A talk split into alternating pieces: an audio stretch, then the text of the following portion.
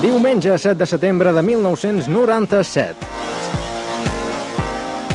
Bona tarda i benvinguts al foc d'Encenalls. Un mosaic contemporani dissenyat a base d'espais d'humor i gatzara. Primer programa del mes de setembre, un mes que per a molts resulta difícil, ja que es torna al que és la vida real. Treballar, un dels càstigs divins més preuats per molts i, odiar, i odiat perdó, per molts altres. La reentré és també moment de paciència a l'hora de veure i suportar les diapositives i videus dels familiars i amics. Tot i així, sempre hi ha coses bones, com per exemple aquest el que ser anomenat Foc d'Encenalls. Per molts és l'estiu quan consumeixen més televisió. A les 625 línies repassarem el que ha estat la programació estiuenca i el que ens depara. Anglaterra ha viscut moments molt difícils en els darrers dies. Els mitjans de comunicació n'han estat sempre protagonistes. Amb Josep Manyer coneixerem de prop una de les ràdios més importants del món, la BBC. La gent ben informada sap perfectament que en l'activitat quotidiana d'un país, la participació dels lectors dels diaris escrivint cartes al director i, d'altra banda, les lletres de les cançons són dos elements considerats com a matèria primera pel doctor Julius Smart. Com ell n'hi ha pocs, afortunadament, Néstor Arranz, periodista argentí, tornarà a ensenyar la seva llengua viperina, carregada de verí sobre la vida i miracles dels personatges que més surten a les revistes de paper cuixer. Les espurnes del foc d'encenalls encendran, com sempre, tres convidats. Avui sí, en viu i en directe, tenim a la Miranda Sandoval, actriu de fulletons eh, venezolans. Bona tarda, Miranda. Buenas tardes a ti y a todo el mundo. La veig morena, eh? Estoy morenísima. Este verano yo creo que ha sido el récord de morena de mi vida, vamos. Per cert, s'ha primat. Sí, estoy muy delgada. Es que fui a la misma clínica que nuestra amiga Carmen Sevilla. Ja, ja, ja. Mhm. Saludem també en el nostre lampista particular de Badalona, l'Antonio Vinuesa. Bona tarda, Antonio. Hola, ¿qué tal? Buenas tardes. Uy, qué mal Antonio, que chaval. desanimat. D'aquesta No, manera comença la reentre. claro. Eh, Mira, vamos a ver. Volvemos a tener a Per cert, Miranda. tot de taques de pintura blanca. Hola, pues claro, pues por esto estoy cabreado, porque como aquí cambia la temporada, pero el presupuesto no cambia. Es redueix més aviat. Sí, pues bueno, se reduce, entonces tendré que pagarte a ti o algo. Clar. Siempre de dinero. claro, entonces tengo- ¿qué pasa? Que yo aquí hago el programa de radio, pero como tengo que subsistir, Sí. pues tengo que trabajar los sábados y los domingos. Entonces, bueno, a- he contratado a un grupo de colegas para pintar y esas cosas. y Ja, aquí he venido ja ens ho explicarà, Antonio. No Sí, cal, no cal que no, no, se enrolla, no, que no, voy a seguir hablando. Saludem a... Calli, no? Antonio. Saludem a mossèn vale. Alfons a mà dreta de la parròquia de Sant Joan de Vilatronada. Bona tarda, mossèn. Bona tarda, fill meu. El, el, el, veig molt blanc, eh?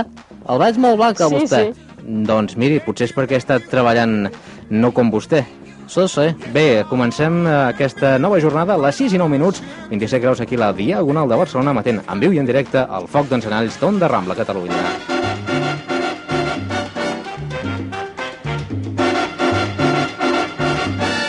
Ho fem amb les 625 línies, amb aquesta música salsera de la mà de Miranda Sandoval. Miranda, Estoy muy contenta, ¿eh? Porque yo creo que empezar, es muy positivo empezar una nueva etapa con mi espacio. i amb molta energia, en aquest Claro, cas. claro. Es verdad, es verdad que estás más delgada, ¿eh? Sí, sí. No debes pasar de los 110 ya.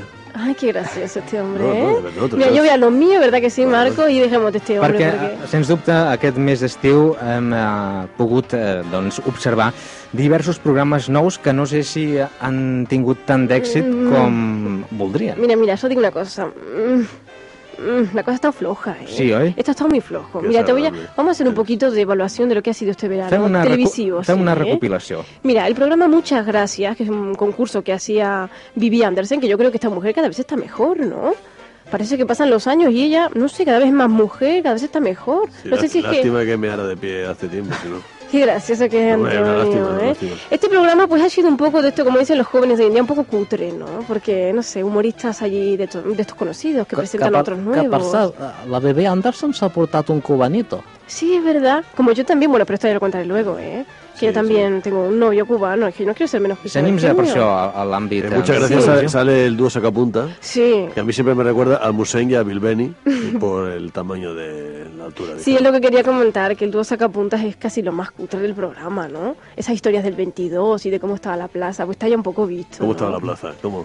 Uh, A abarrotar. Abarrotar. Escolti, Miranda, sens dubte, eh, l'estiu també és eh, moment perquè es facin provatures de programes i en aquest cas una provatura que ha tingut un èxit clamorós ha estat el de Jordi González amb les Mil i Una. Sí, ha sido yo creo que el éxito del verano, porque este hombre es que como penetra tanto, traspasa la pantalla. ¿Qué, qué, qué, Pero otra quiero decir No, que, que es un hombre que traspasa la pantalla. No, no Tiene una mirada, una sonrisa cautivadora, es cautivador. de doble intención Yo, sexual. mira, lo único, la única pequeña crítica que le haría al programa es esta chica que sacó Mamen, Sí, que no, mueve no. los brazos, hace unos aspavientos, mueve la cabeza para un lado para otro. Me Ah, pone pues, nerviosa. Aquesta, aquesta noia eh, era una can... és una cantant d'un- d'una orquestra. Ah, sí. A mí me cae simpática esta chica, ¿eh? Ay, no sé. Además Yo- es- Los chicos Mambo Show, yo creo que es un acierto. Son No, divertidísimos. no, a ¿eh? mí me gusta la chica. Además, ese nombre me gusta, Mamen. No me gusta. Sí, ¿Por qué será? No sé, es como una orden. Vaya, vamos a seguir como programa En qualsevol cas, i ja per apuntar eh, en aquest Sí. sí. sentit, Miranda, és veritat que TV3 ha fet públiques durant aquest estiu eh, les quotes d'audiència i sembla que han aconseguit fins ja un 30% d'audiència, És que- cosa que... feia molts anys que no Es aconseguia. que claro, Jordi González yo creo que es una pompa de relojería, ya donde vaya hay, hay un éxito. I precisament Jordi González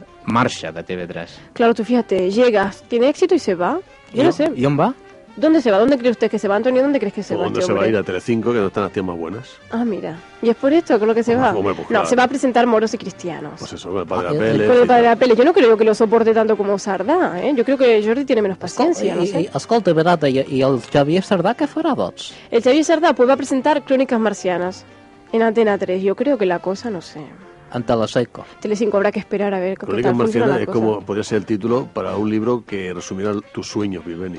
Sí, per Sí? què ho diu això, Crónicas Antonio? Marcianas.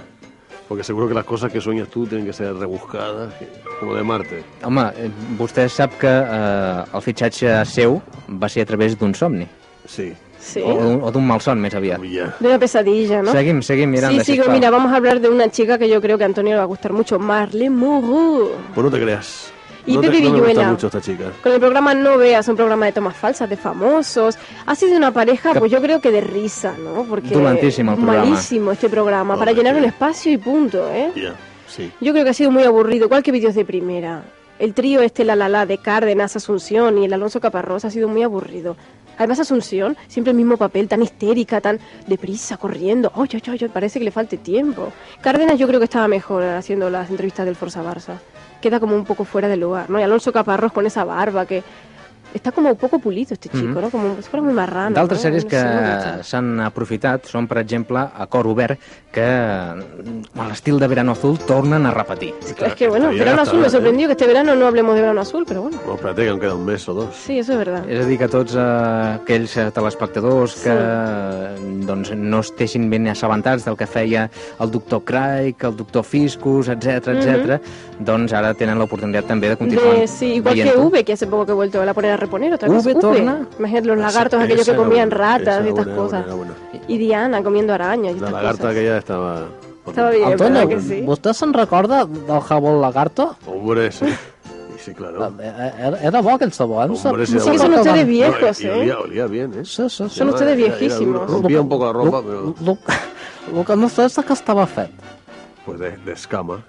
Ja. Sí. Escamas lagartos se llamaban, ¿eh? Bueno, déjame que No siga sé. hablando de otra pareja que yo creo que bastante ya penoso, Norma y Andoni Ferreño. Andoni Ferreño va vestido que parece que es un galán de estos antiguos de, de orquesta Se ha quitado cantando. la perilla por eso, ¿eh? No me gusta nada este programa. Aquest ¿eh? programa és el que els famosos fan broma a la Sí, gent todos, doncs, todos- normal. sí, la broma está bien, sí es divertida, pero es toda esta parte del sofá y todos los famosillos allí.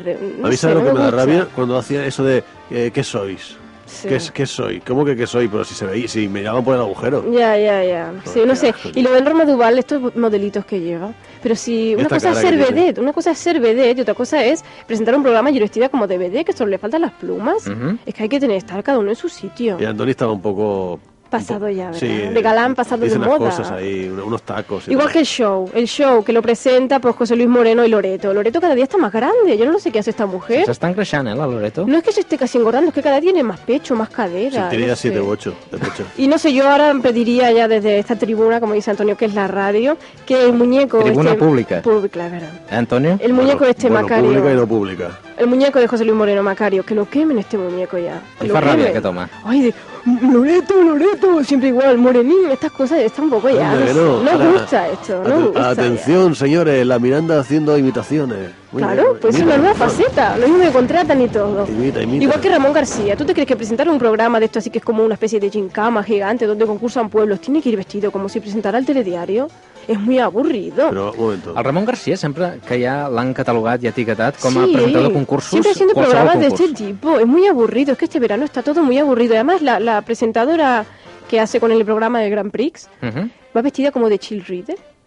Y no, es que no pegan nada. Esa pareja tampoco. Parla, parlem, sisplau, d'un dels programes es como que... la mula y el momento, No un momento, pegan. un momento, pero- ¿Cómo, pa- cómo pa- que no pega? No pega usted, padre con la mula. Acoste el burazo y le pego no. Ay, una cosa, ¿no? Si Tranquil, acaso. Una- un paréntesis.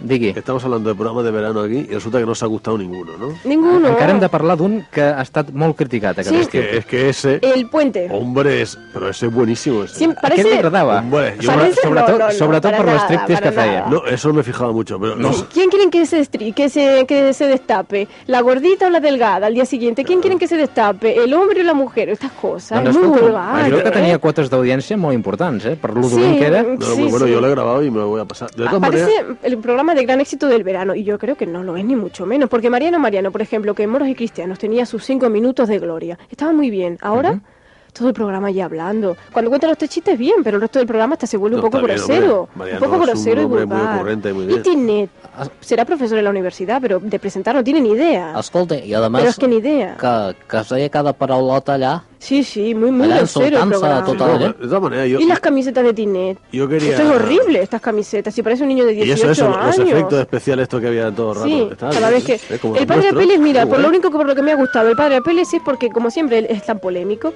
consigue, mira, le traen una bruja, consigue demostrar que es una impostora, le traen... Pero él dice que, bueno, que a pesar de estas cosas, que él no se enfada. ¿No se enfada? No se enfada. Solo me he enfadado cuando me han hecho alguna acusación grave de algo que es casi delictivo. En algunas ocasiones se me ha acusado de ser un extremista político, incluso de pertenecer a un grupo nazi.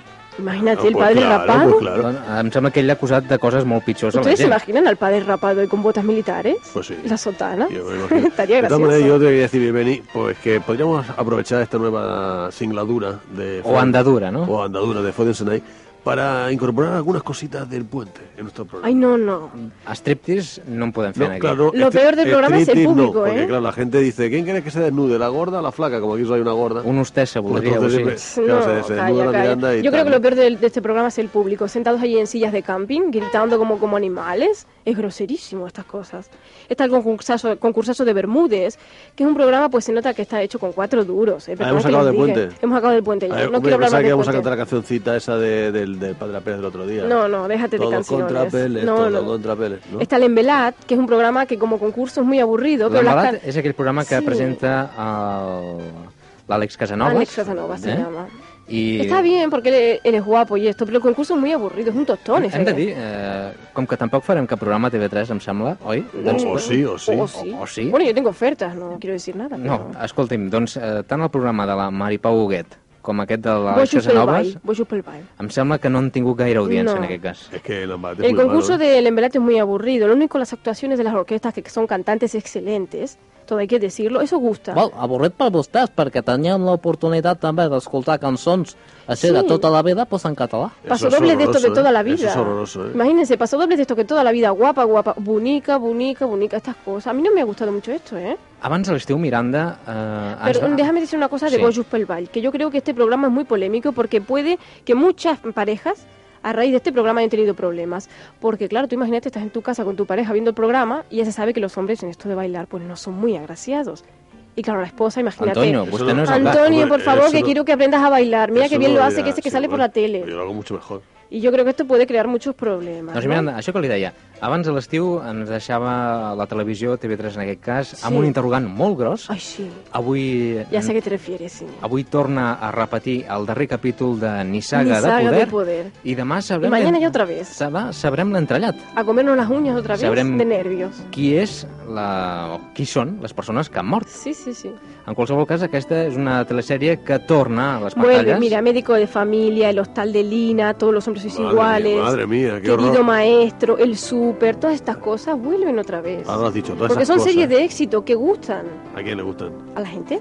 Pues yo no soy gente entonces. Oh, tú no eres gente, ¿no? Tú eres como una especie de entre animal y oveja dolly, una cosa Qué así. cosa más horrorosa. Y, pero yo creo que el éxito del verano sin duda es Extra Rosa, un programa con glamour que trata temas del corazón de una manera correcta. Mhm. Ah, Las, las rosas están muy bien, a mí me gusta mucho. Competidora total de què me dices? Pero es que claro, ¿qué me dices? Ha quedado obsoleto. ¿Qué me dices? ¿Qué me dices? Ha quedado obsoleto ya. Sobretot què me dices... Muy vulgar, muy vulgar. Todo es muy vulgar en la dir que, televisión últimamente. que ha canviat de presentadora Sí, es verdad. Belinda, es que claro, Belinda tenía ya demasiada categoría para estar ahí Y hablando de. ha perdut famosos. bastant.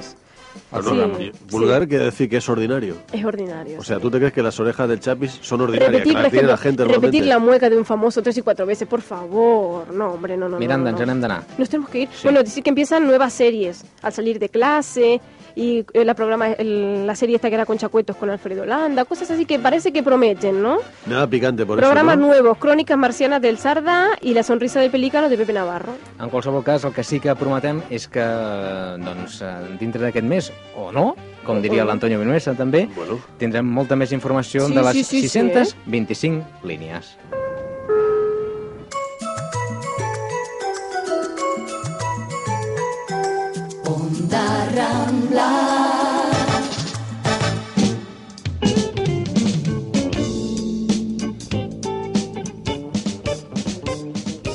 Un dels punts de referència mundials dels mitjans de comunicació és la BBC, una emissora que al llarg de la història contemporània ha tingut un paper destacat, no tan sols pels britànics, sinó també per tots aquells països que podien sintonitzar les emissions en les respectives llengües.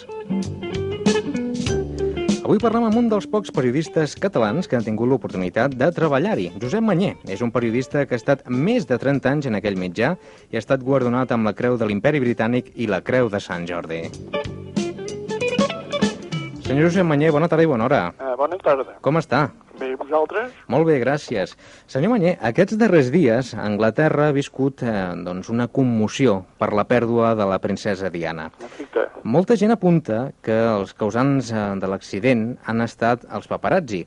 Com veu aquesta pressió a què sotmet la premsa anglesa als famosos? En realitat no era la premsa anglesa, eren uns paparazzis, eh, em sembla francesos, la major part d'ells. Uh -huh. Però, en fi, el, el problema és general i, per tant, no hi ha que discriminar si són francesos, anglesos o italians. En qualsevol cas, eh, vostè em reconeixerà que eh, la premsa sensacionalista a Anglaterra doncs, eh, persegueix, eh, fins i tot pressiona molt, al- almenys eh, aquests darrers temps, a la monarquia. Bé, això ha estat la premsa a tot arreu, perquè naturalment han de competir amb diaris francesos. Si aquests comencen a parlar de la monarquia britànica, és lògic que el públic anglès es vulgui enterar també del per què i el com d'això. Quan vostè estava a la BBC, aquesta pressió en els diversos eh, doncs, gent coneguda, famosos, també era tan latent? No, evidentment no, no, perquè jo vaig estar principalment durant els anys de guerra i per tant les circumstàncies eren completament diferents. Uh -huh.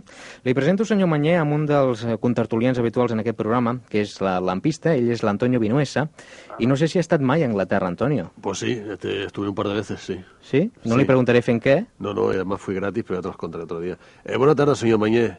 Sí, bona tarda. Miri, jo, seguint amb el tema aquest de, de la Diana i tot això, eh, els, els diaris eh, anglesos no, doncs han recollit un, un sentiment de, dels súbdits britànics que no veien amb bons ulls el paper que estava fent la, la família reial, no? sobretot la, la reina. No? Sí. Vostè pensa que aquesta, o sigui, ara que es qüestioni la monarquia i, i fa uns anys que, se- que es tenia sempre amb, amb, amb deliri, no? la gent l'estimava molt, mm, no pensa que, que és culpa mateix de, del poble que, que, que ha fet que la reina tingui aquest, aquest paper tan, tan important? Bé, fins a un cert punt és veritat, perquè els problemes no són simplement d'ara, no? Els problemes ja van venir quan eh, Eduard VIII pues, va tenir aquell problema sentimental que el va fer dimitir, etc etc. Però fins ara la monarquia anglesa s'ha mantingut molt estricta, potser massa rígida, si voleu, però en aquest sentit no tenia problemes. Uh -huh. En aquest sentit, i l'Antonio em comentava, abans de començar el programa, que la reina d'Anglaterra s'havia vist obligada una mica per la pressió popular i dels mitjans de comunicació a trencar una mica el protocol, fent un discurs, acostant-se més a la gent, etc etc, no, Antonio? Sí, això és evident, eh? perquè és lògic que ha estat una circumstància excepcional que ha involucrat d'una manera directa un membre de la família real i és lògic que la reina tingués que sortir al ruedo, com es diu vulgarment. Eh? Vostè no pensa que, que la monarquia anglesa ara és la més carca de tota Europa? Home, depèn del que digueu per car, que és una paraula nostra molt gràfica, però que potser no es pot aplicar d'una manera general. Però vull dir, vull dir en el sentit de- d'antiga, de, de poc evolucionada. Bueno, és una, una, una monarquia que està basada en una tradició de segles i que costarà molt d'anar-la evolucionant als mitjans moderns, això és evident. El que també costarà molt d'evolucionar, em sembla, és el nostre mossèn, Alfons Amadreta, que ja amb 84 anys eh, és difícil de canviar, mossèn. Bueno, ho sé. Bona tarda, senyor Manyer. Bona tarda. Escolti, un ocellet pues, m'ha dit que abans d'entrar a la BBC vostè treballava a la Conselleria d'Economia de la Generalitat. Això és veritat? Sí senyor, sí, aquest ocellet està molt enterat.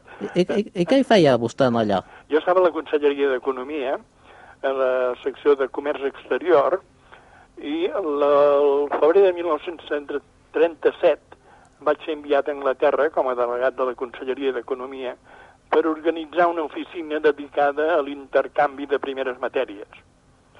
I, I com és que es va dedicar després pel periodisme i no va seguir Sí, l'administració? el que va passar el següent, degut al desenvolupament de la guerra, la delegació fou liquidada a finals de 1937 i jo em vaig quedar exiliat a Londres. Eh, Naturalment, al començament era molt difícil mantenir-me, em limitava a donar classes d'espanyol, fins que la BBC va organitzar els serveis exteriors, va crear una emissió especial per a Espanya i s'hi van presentar, no cal dir-ho, tots els exiliats espanyols a Londres. Jo li he de dir que de tant en tant l'escoltava vostè, eh? perquè vostè era Jorge Marín. Exacte, sí senyor. Pues sàpiga que aquí té un oient fidel, també. Bé, aquest Jorge Marín potser semblarà ara una mica fictici, però el seu origen és bastant original, en el sentit que em vaig trobar quasi bé obligat a improvisar aquest pseudònim.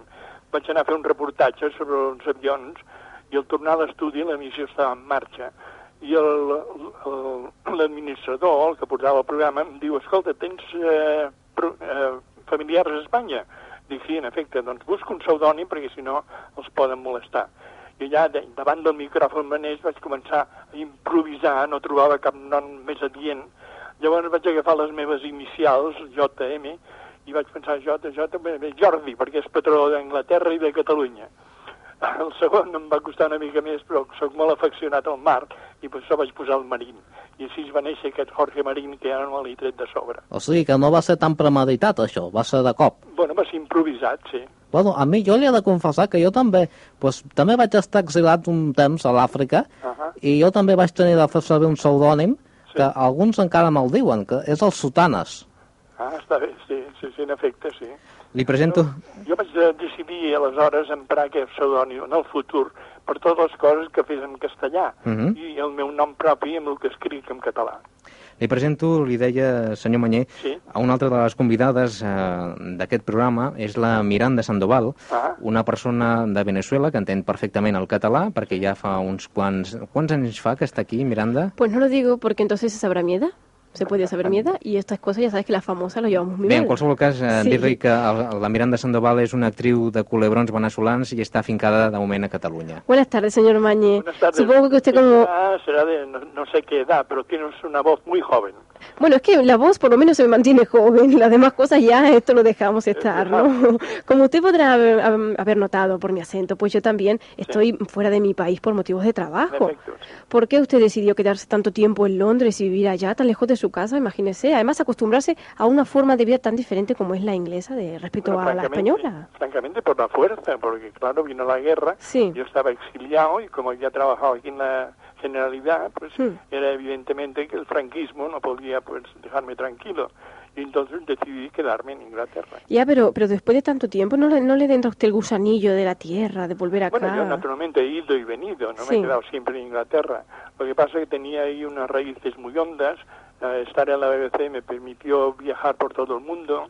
Hice cosas que tenían un enlace siempre con Cataluña, como el descubrimiento de una Barcelona en Inglaterra, etcétera, etcétera. Ajá, o sea que más que, que nada usted trabajando en un sitio de mucho prestigio, ¿no? Y En eso es efecto, importante, ¿no? Qué duda, sí.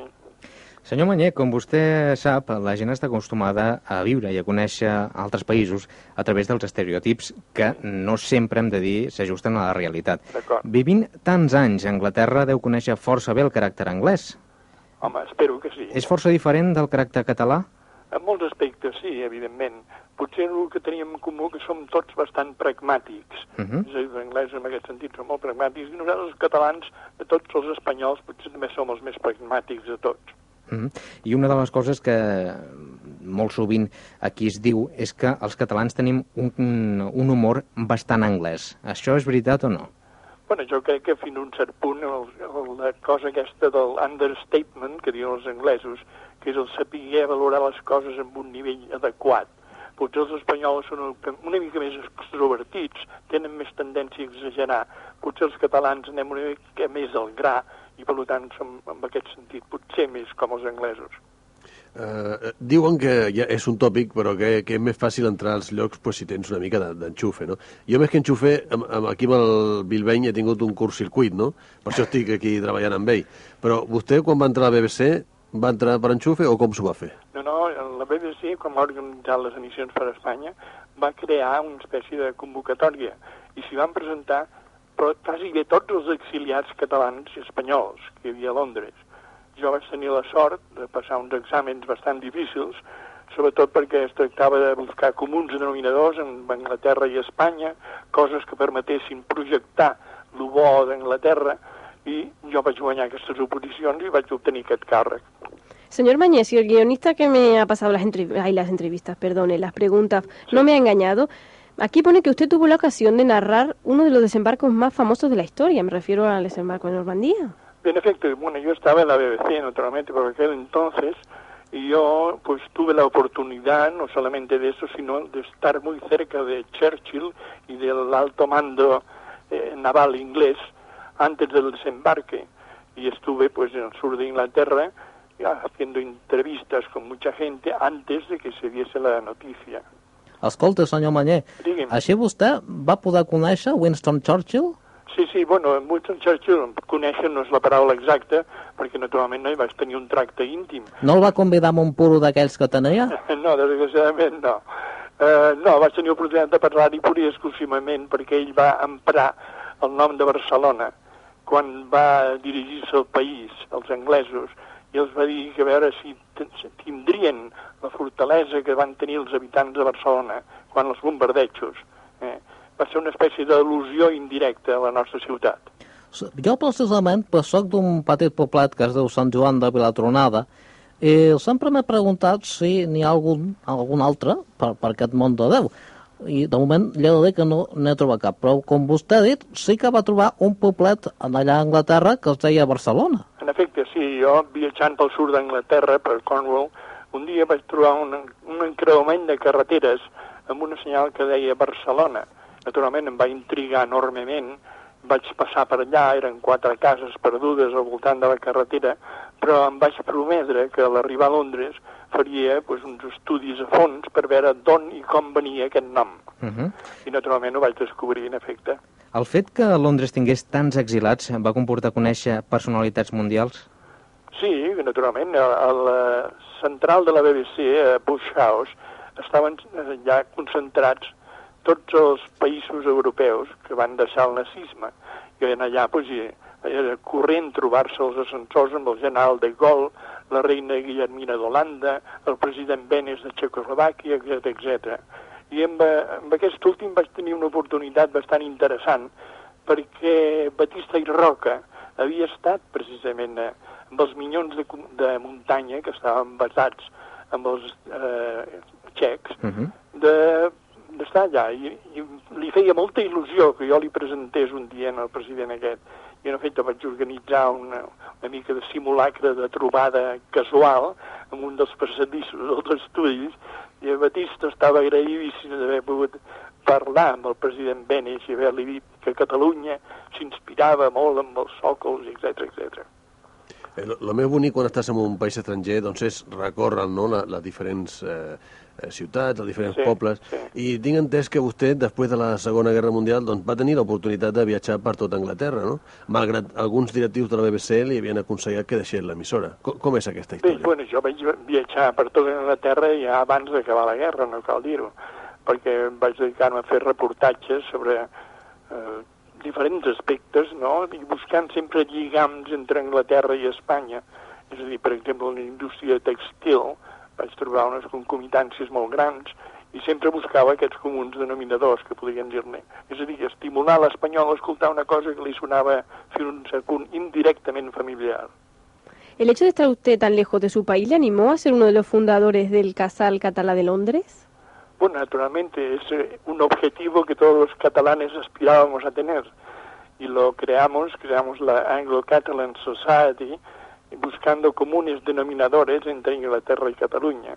Afortunadamente, en los departamentos de las universidades británicas, que había algunos eh, profesores que tenían estudios latinoamericanos y eh, europeos, pero de carácter latino, encontré una serie de personajes como Alison Pierce, muy interesados en buscar estos comunes denominadores y hacerlos públicos. Y además de, de hacer estas cosas tan interesantes, bailaban también sardanas y comían carguiñolis o no? Bueno, tanto como eso no. No, ¿verdad? Hasta después de la guerra, por supuesto, no estábamos para bailar nada. Bé, jo naturalment després de la guerra, eh, quan eh, el govern britànic estava molt preocupat perquè tenia por de que les relacions amb Espanya fossin eh, molt difícils, i em van preguntar a veure què creia que jo que es podia fer per buscar comuns de, denominadors i coses que lliguessin els dos països. Jo naturalment els vaig dir que per el que fa referència a Catalunya, Euskadi i Galícia, que hi havia un comunitat comú que era l'idioma local. I llavors pues, vaig suggerir fer emissions periòdiques en català, euskera i gallec. I com que teníem molts més oients a Catalunya que a la resta d'Espanya, vaig suggerir que fossin unes emissores quinzenals dedicades a Catalunya, alternant una setmana amb, amb gallec i una setmana amb euskera. Escolta, jo me'n recordo que era un fet insòlit doncs, poder escoltar el català i, a més, des de tan lluny. Sí, en efecte.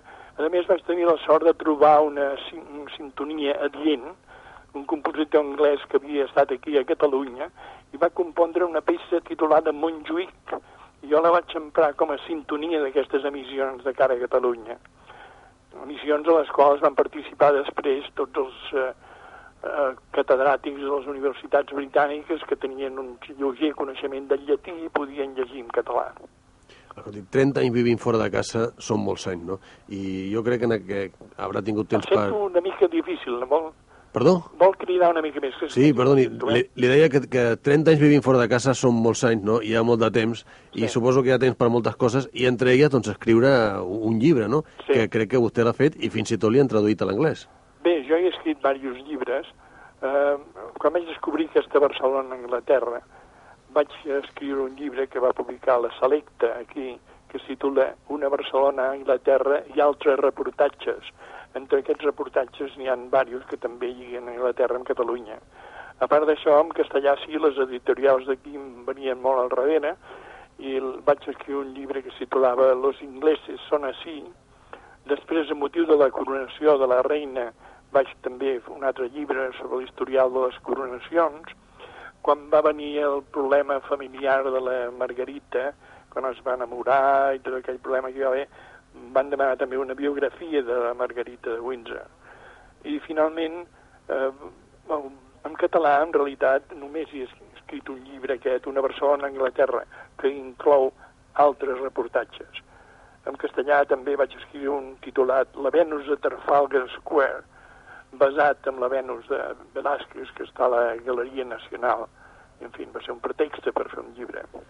Ara, ara, ara que ha dit aquest títol de lo- Los ingleses són així, Sí. mm, amb el tema de la llengua, jo és que penso que són una mica xovinistes, no? Pensen que el que no sap anglès perfectament és una mica com, com retrasat mental. Bueno, no, el que passa que l'anglès va ser un, un comú denominador en tots els països. Tots els països que es van industrialitzar van tenir que recórrer a l'anglès com a idioma bàsic. Es va convertir en una espècie de comú denominador de tots els països que buscaven progrés i indústria. I en aquest sentit, doncs, esclar, l'idioma anglès es va generalitzar, no cal dir-ho, i quan els Estats Units també van agafar un caràcter propi, l'idioma no cal dir que es va estendre per tot arreu. Uh -huh.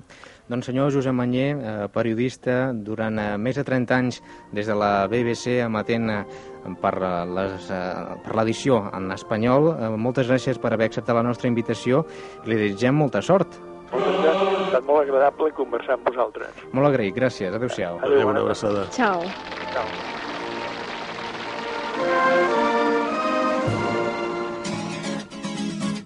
Maripà Huguet, Alfred Rodríguez Picó, Teresa Gimpera, Màgic Andreu, Fabià Estapé, Tots aquests famosos ja han caigut de les brases. Si vols fer com ells, escolta, foc d'encenalls.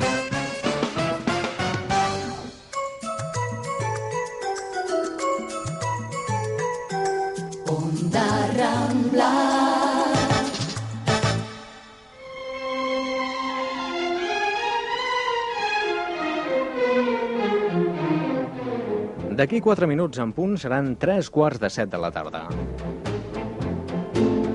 27 graus aquí a la Diagonal de Barcelona, matent en viu i en directe aquest foc d'encenalls per totes les emissores d'Onda Rambla, Catalunya. Moment de saludar ja en el nostre doctor, expert en, i catedràtic en investigació analítica per la Universitat de Pensilvània, senyor Julius Asmar. Com està? Mm, estupend. I més coses, eh? Soc expert en més coses, però tampoc és qüestió aquí. Tampoc és eh? qüestió no, de fer-se el xulo. temps, eh? Això mateix. I vostè com està? Doncs miri, brutalment bé. Ja m'estranyava. Ja provat bé l'estiu? Home, Gaire moreno no està. home, és que he treballat molt. Ja, Ja he treballat. al laboratori i tal, no? Sí, vostè tampoc, eh, per això? No haurà estat a la sombra. Mm, Quin, aquella que hi ha reixes, potser? Aquella. No, aquella no. No sé, conec molta gent que el... estaria feliç, eh, de veure-la vostè allà. Ja m'ho imagino. Eh. Escolti'm, en tot cas, entrem en matèria perquè vostè m'ha escollit una carta. Sí, però abans Abans hem de recordar potser un sorteig. hem de recordar que tota la gent que... déu nhi eh? Han estat exactament 127 cartes que hem rebut aquest estiu, Uh -huh. dient-nos allò que dèiem de cançons i tot això. Ja, ja veurem què fem amb tot aquest material. Però eh, hi ha hagut una guanyadora, perquè tot concurs ha de tenir un guanyador. O guanyadora. Barra, A, a, Mhm. una guanyadora. I en aquest cas ha estat la Esther Rubirosa Llopis, Sí. de Tortosa. I què és el que ha guanyat exactament? Doncs bé, es tractava de guanyar un inoblidable cap de setmana amb un servidor a les Bahamas, pagat pel programa. Ja. Eh? la- Els dos, el d'ella i el meu. Sí, sí, sí. Però clar, hi ha hagut un problema. Eh, com no vaig dir que enviessin una fotografia, Mm. jo no volia jugar-me al tipus, i clar, també hagués pogut guanyar un home, amb la qual hauria estat bastant desagradable, i hem deixat córrer aquest premi, i eh, bé, eh, guanyarà simplement un paquet informàtic. Un paquet informàtic, Un paquet informàtic, que em sembla que és un que està valorat en més de 50.000 amb pessetes. 50.000 pessetes d'una coneguda marca canadenca, Uh -huh. és un de disseny. Ja. Eh? I ja està. I qui vulgui saber més que escolti un altre programa que té vostè en aquesta casa, no sé quin dia. En qualsevol cas, eh, vostè, doctor, em sembla que durant aquesta temporada també té previst fer altres concursos. Jo tinc previstes moltes coses, Uh -huh. però I jo ara li diré una sorpresa que segur que no sap. Ara em deixa boca badat, és-me perdut i garrativat. Vostè sap que habitualment doncs, aquest programa té diverses eh, maneres de que els oients puguin contactar amb nosaltres. Una d'elles és el telèfon, una altra és el fax.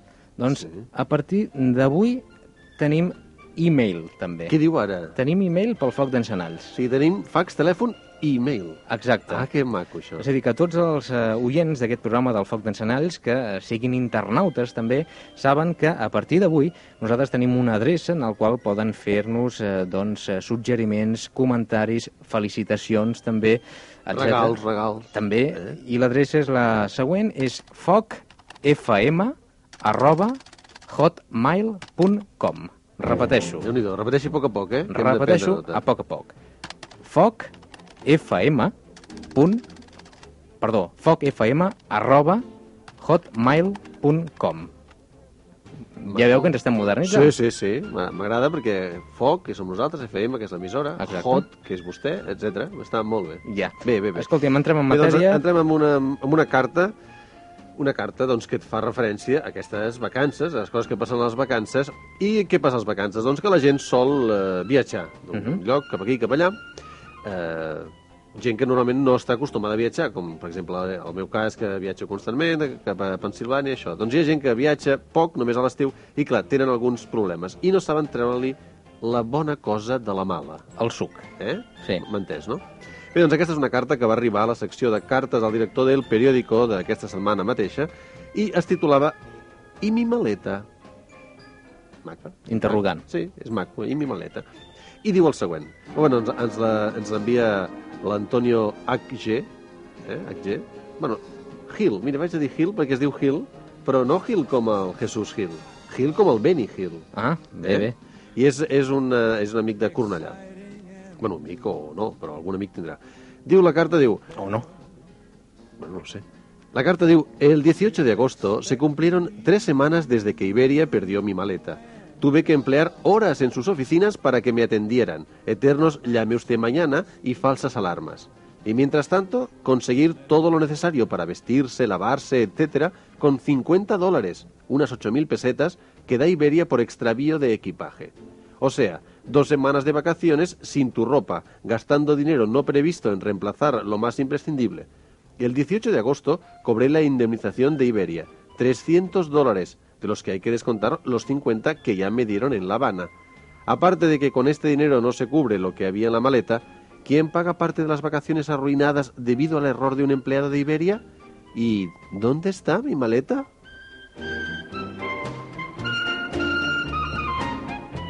Em sembla que vostè s'ha passat tot, eh, tot, eh, aquests, tots aquests dies eh, intentant doncs, solventar aquest problema i buscant maletes a base de bé. No, No, bé. no, no. Vostè li sembla, però no ho he fet. Bé, bé. Ara, vol que digui que sí? Sí. Ah, doncs sí, sí, doncs sí. Miri, m'he passat eh, tots aquests dies intentant eh, solventar problemes de maletes. Sí. Molt bé. Què és el que destacaria d'aquesta carta? Bé, doncs aquesta carta li diria jo a l'amic Antonio de Cornellà que no ha estat eh, prou llest de veure que aquí el que ha fet és un, una, una sort. Ha fet una sort. Ha fet una Ha sort? fet una sort. Primer perquè estava a l'Havana, que és Mhm. uh important. Estava a l'Havana, escolti, la maleta, doncs ja arribarà la maleta, no? I després, eh, que ha tingut unes vacances diferents. Això és diferents veritat. a com Sí, sí, esperava. sí, sí. Ell esperava unes vacances normals, arribes a l'aeroport, desplaces a, a l'hotel, desfas les maletes, llavors doncs allà a l'Havana, no? Que va a tomar, senyor jefe, que quiere un cafè? No, coses aquestes, ja està. Llavors a la platja, veure les mulates aquelles, eh, anar després a Tropicana, Sí, com- després fotre el capot amb alguna de les d'allò, i, i Sí, tornem. sí, com si, doctor, eh, potser eh, l'amic Antonio de Cornellà el que es queixa és d'aquests eh, de l'indemnització. 50 dòlars només i després eh, 250. Sí, però ha de tenir en compte una cosa. Tampoc aquí ha trobat la cosa bona. Pensi que li estan pagant en dòlars. Uh -huh. Dòlars. El dòlar es revaloritza. Escolti, el dòlar està pujant més que vostè, Mm. eh? Diguéssim, a vegades. I què fas, aquest home? Que diu que s'ha gastat en, en, eh, en comprar roba, i que, per cert, que diu una incorrecció, perquè diu, mientras tanto, conseguir todo lo necesario para vestirse, lavarse... Qui? Vestir-se qui? Ell. Llavors hauria de dir para vestirme, lavarme, etc. Mhm. Una incorrecció, sí que aquí, allò, ja que escriu una carta, home, almenys una mica de correcció. Després podríem incidir en, en un aspecte que diu que... Un moment, un moment, que estava parlant dels dòlars, no, no, no m'interrompi. I segona, que en comptes de gastar-se la, la pela, Uh -huh. doncs guarda els dòlars, tonto, i, i compra qualsevol xorrada amb, amb pessetes, i, i que, que guarda sempre tiene. Li anava a dir que eh, es queixa de que amb 50 dòlars no es pot comprar el més imprescindible que, que és necessari. El més imprescindible que és necessari. Un moment que estic analitzant aquesta... Ah, ja l'entenc. Vol dir lo mínim. Exacte. Bé, bé, no és que vostè parla d'aquesta manera com Don Quixot. Sí, però ha de tenir en compte una altra cosa. Ah, Estàvem a l'Havana, no? L'Havana, Cuba. Llavors, eh, allà què va la gent? Amb camises tipus Magnum, eh, no? Calça curta... Per quatre duros en tenim un. Mm -hmm. Tampoc cal rentar-se gaire perquè vas migdia despullat i ja està, no? I a sobre, aprofita perquè segur que la roba que ell portava, doncs és roba vella, ja estava feta servir, i ara té roba nova. Té roba nova, ha passat unes, unes vacances impressionants i 300 dòlars a la butxaca. Uh -huh. Què més pot demanar? Trobar la maleta. O no? El, Per què la vol la maleta si de tornada ja no tenia equipatge el nostre tècnic, el Vicenç Almero, doctor, i li, li llança una, una solució, no sé si la compartirà o no, i és que truqui al, al Paco Lobatón. Ah, això estaria bé. Quién sabe dónde? Eh? Quién sabe dónde i, i, i, anar fent. Escolti'm, bé. conclogui ja. Doncs, eh, no sé què dir. No sé què dir. Ja està? No, no, no sé què dir. Vull dir, no puc dir una frase d'aquelles, però que, que és allò de que eh, quan un està casat, les filles li surten els gendres o, o alguna així. M'entén? No, però és igual. Bueno, ja l'explicaré un dia. Doctor Julius Smart, catedràtic en investigació analítica per la Universitat de Pensilvània, gràcies i fins la setmana que ve. Fins la setmana que ve hi ha l'Ester Rovirosa de Tortosa, que passi a buscar el premi, que segons com igual li canviem Pel viatge pel viatge o per la maleta. a l'Havana. Adéu-siau. Adéu.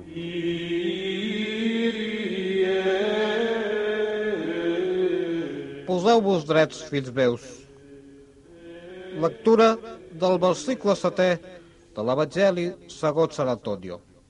Antonio, En aquells temps, Sant Antoni dels Burros portà els seus deixebles al camp i veient que es barallaven per veure d'un àmfora, els digué Homes primitius de poca fe.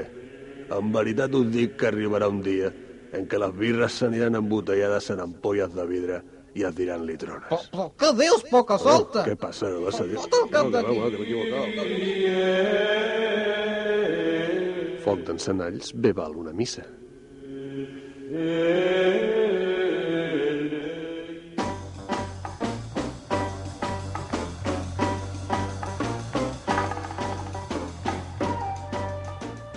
D'aquí 9 minuts exactes seran les 7 de la tarda, 27 graus aquí a la Diagonal, 7 de setembre, diumenge, i Néstor Arranz, periodista argentí del canal 234 de La Pampa, ja el tenim aquí. Buenas tardes, señor Arranz. Este, muy buenas tardes. ¿Cómo está? Bueno, pues estoy contento por una parte por eh, reencontrarme otra vez en directo con eh, toda la audiencia, mi ¿Seguro? audiencia, mi audiencia de Fortensenais de Onda Rambla. Nosaltres no gaire contents no, de yo veure'l. no, yo no, yo no. Si soy sincera, pues digo la verdad. No.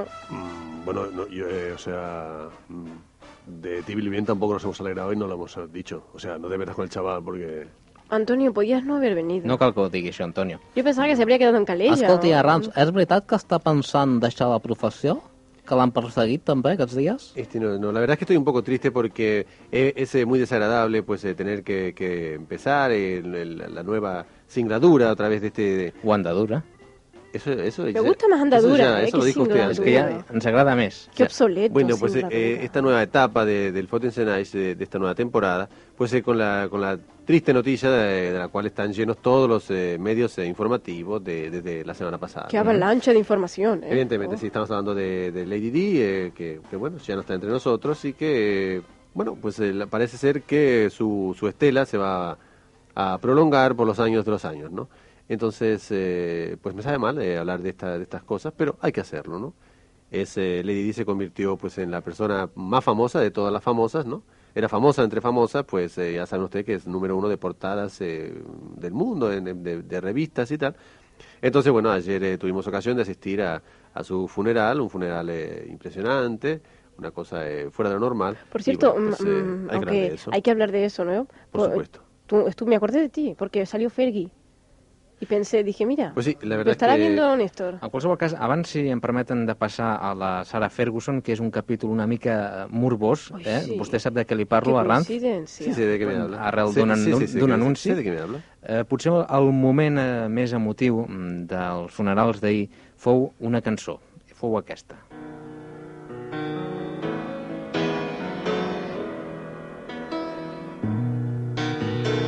Goodbye,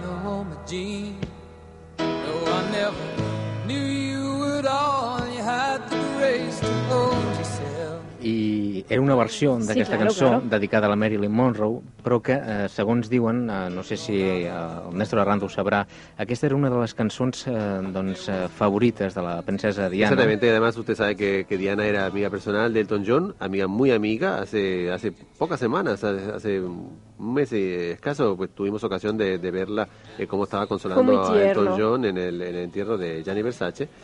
Y bueno, pues eh, ¿quién, iba, ¿quién iba a sospechar entonces? Pues que Elton John eh, iba a volver a llorar y esta vez eh, por su amiga eh, Diana, ¿no? Sí, aunque prometió a la familia real no llorar en la misa. Sí, lo y de hecho el- hombre lo consiguió. Sí, lo que pasa a es duras claro, penas, ¿no? Pero... eh, solo a, a pesar de, de los sentimientos, pues la presión eh, del momento y todo, y entonces la- lo romántico de esta canción de Candle eh, on the Air, que pues... eh, A mí me sorprendió mucho Pavarotti, también estaba muy conmovido ¿eh, este hombre. pues sí, no la- pudo, fíjate, la- ni hombre, cantar. yo, yo creo que la verdad es que ya saben ustedes que los, los famosos pues eh, a veces hacen cosas que no sienten, ¿no? Están, están por allí, hacen ver que lloran por unas cosas y tal. Pero la verdad es que yo creo que ayer la gente estaba emocionada de verdad. Si em permeten, ens queden eh, sis minuts eh, aproximadament. Pues entonces no le permito nada. Distribuirem Claro. el temps equitativament perquè hi ha eh, diversos apartats. Parlarem del funeral d'ahir mm, i després parlarem mm, d'una mica la investigació mm, de l'accident, si li sembla. Qui va assistir, per exemple, al funeral ahir? Bueno, pues ayer asistieron muchísimas personas eh, no famosas, asistieron millones de personas no famosas de todo el mundo y aparte de estas, eh, pues eh, asistieron muchos famosos como los que hemos dicho de Elton John y, y eh, Pavarotti y también pudimos ver pues a Tom Hanks, eh, vimos a Steven Spielberg, a Tom Cruise, su amigo Tom Cruise, El eh, Jordi, el Jordi Miquel, eh, Jordi Miquel, sí. El George Michael, vol dir. ya, eh, usted, o sea, en fin. Es que el padre es muy agudo, ¿eh? En fin, vimos a, a Nicole Kidman, que estaba con, con su esposo, vimos a Cindy Crawford, eh, vimos a Sting, eh, vimos a, bueno, a la familia de, Que de Sting, Lafayette, etcétera. Sting eh, no sé si la Miranda també va veure els funerals, em sembla que quan estaven cantant les Sí. homilies no va No, cantar. no cantaba, no, no. Bueno, no a, a- a cantaba. lo mejor es que no se sabía la letra. No, porque tenían allí su papelico Ah, delante. pues a lo mejor es que no sabe leer inglés. Quizá, no Pues ya sé. está, es que hay que buscarle una solución. Una a todo. solución, Sí, com sigui, va ser una a mí me- ceremonia- Sí, me gustó, fue muy solemne, sí, sí. ¿eh? porque una además- cerimònia molt seguida. Sí, Sí, muy- eh, de verdad, muy seguida por todas partes, por, por en todo el mundo, ¿eh? O sea, creo que fue muy correcto miles de millones de todo. personas, ¿no? Eh, tengan en cuenta que aquí mismo, pues, eh, había, pues, eh, creo que cuatro o cinco eh, cadenas retransmitiendo el, el evento al unísono, ¿no? Ujú. Que esto está poco visto. Es parlava, es criticava, sobretot en els mitjans de comunicació, la gent del poble ho deia, de la manca de sensibilitat de la família reial. Potser en els parlaments que van fer les germanes de la princesa Diana de Gales i en el Parlament del, conde, del comte Spencer eh, es va reflectir aquest fet. Sí, pero yo tengo que decir una cosa. O sea, a mí me parece muy bien la reacción que ha tenido la reina de Inglaterra en todo esto, porque si no hubiera sido hipócrita, ¿no? Si cuando Diana estaba viva eh, estaba clarísimo Eso que es la verdad, reina no, ¿no? la soportaba y que Es estaba una muy enfadada muy con ella, difícil, pues ¿no? entonces no tiene por qué hacer el hipócrita, ella se mantiene Exacto, en si su no- casa de Balmoral, ya está. Si no es Ellos podien tienen, veure... claro, ellos tienen que estar en su lugar, ¿no? Pero es un poco difícil Yo creo la que, que- esta, que tanto ¿eh? el discurso que hizo en directo eh, para todo el país, eh, cosa, cosa absolutamente extraordinaria porque no lo hace nunca, y el que saliera ella a la puerta del, del palacio y esas cosas, pues la verdad lo hizo por la, por la enorme presión popular, ¿no? Y incluso Eso pues sí el, es verdad, el, ¿eh? primer ministro eh, Tony Blair, que desde el primer momento se, se, se mostró pues eh, muy muy muy eh, trastornado por, por este por este suceso, pues yo creo que la reina le hizo reflexionar y hacer un poco el, el papelón, pero era era eso, un papelón. Abans de passar ja a l'aspecte ja ràpidament de la investigació, tal com segueix, una anècdota és que es van acabar les flors a Anglaterra. Pues sí, se acaban todas las flores, eh, más de 5 mil millones de pesetas eh, se han gastado los ingleses en flores, ingleses no ingleses, ¿no? También gente extranjera, y tuvieron que pues eh, que buscarlas en otros países, ¿no? Uh -huh.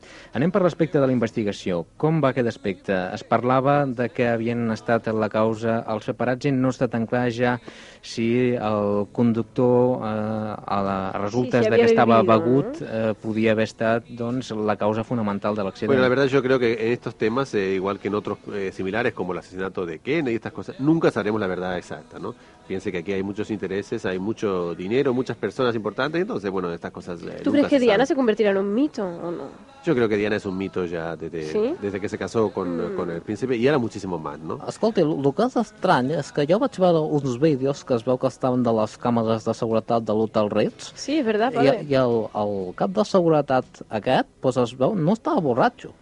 Bueno, es que, es que, que diera positivo no quiere decir que estuviera borracho cayéndose por las paredes, ¿no? Potser el pare de Dodi Alfayet el que eh, intenta ara és esbrinar si realment el, el conductor del vehicle sinistrat va ser, de fet, el que estava doncs, Pero sí, begut. pero eso A mí me conmovió mucho este Usted hombre, imagínese, ceremonia, imagínese que, bueno, ya no, ya no porque sea una persona importante y rica, sino porque es el padre de, de alguien que, que ha muerto, pues evidentemente un padre siempre intenta eh, saber la verdad sobre, sobre lo que pasó con su hijo e intenta pues eh, saber qué pasó. De ben segur esperarem eh, els esdeveniments eh, que vagin succeint-se De al todas llarg maneras, si setmana. permite, Sí? permite una cosa, es, eh, es recordar que, bueno, estos días también pues ha fallecido eh, la Madre Teresa de Calcuta, ¿no? Y por el hecho este de, de Diana, pues ha quedado la cosa encubierta. Pero la Madre Teresa, a pesar de no ser una famosa de, de papel couché, Oh, era pues dona, eh, era això. una, Era una buena mujer. una ¿eh? persona I, irrepetible. i, I poca cosa, mm, no ho sap quasi ningú, era d'Albània. Ujú. Exactamente, sí, sí. Molt bé, doncs eh, gràcies Miranda Sandoval, Vinga, gràcies a Néstor Arranz, esperem que torni amb més bon rotllo la setmana que ve. Eh, sí, pero Sí, seguramente ¿no? hablando del mismo tema, ya verá usted. Gràcies a l'Antonio Vinuesa Venga, hasta luego. i gràcies a mossèn Alfons a mà dreta. Gràcies, mossèn. Adéu, fill meu. Vicenç Armero, a les vies de so, Maite Vila i Lluís Jiménez a la producció, Alicia Garcia i Carla Soler a les veus. I aquest que els ha parlat, com sempre, i amb molt de gust, Marc Bilbeny. Nosaltres ens retrobarem diumenge que ve, a la mateixa hora, a la mateixa emissora i fins i tot des del mateix país. Adéu-siau i facin-nos propaganda. Gràcies.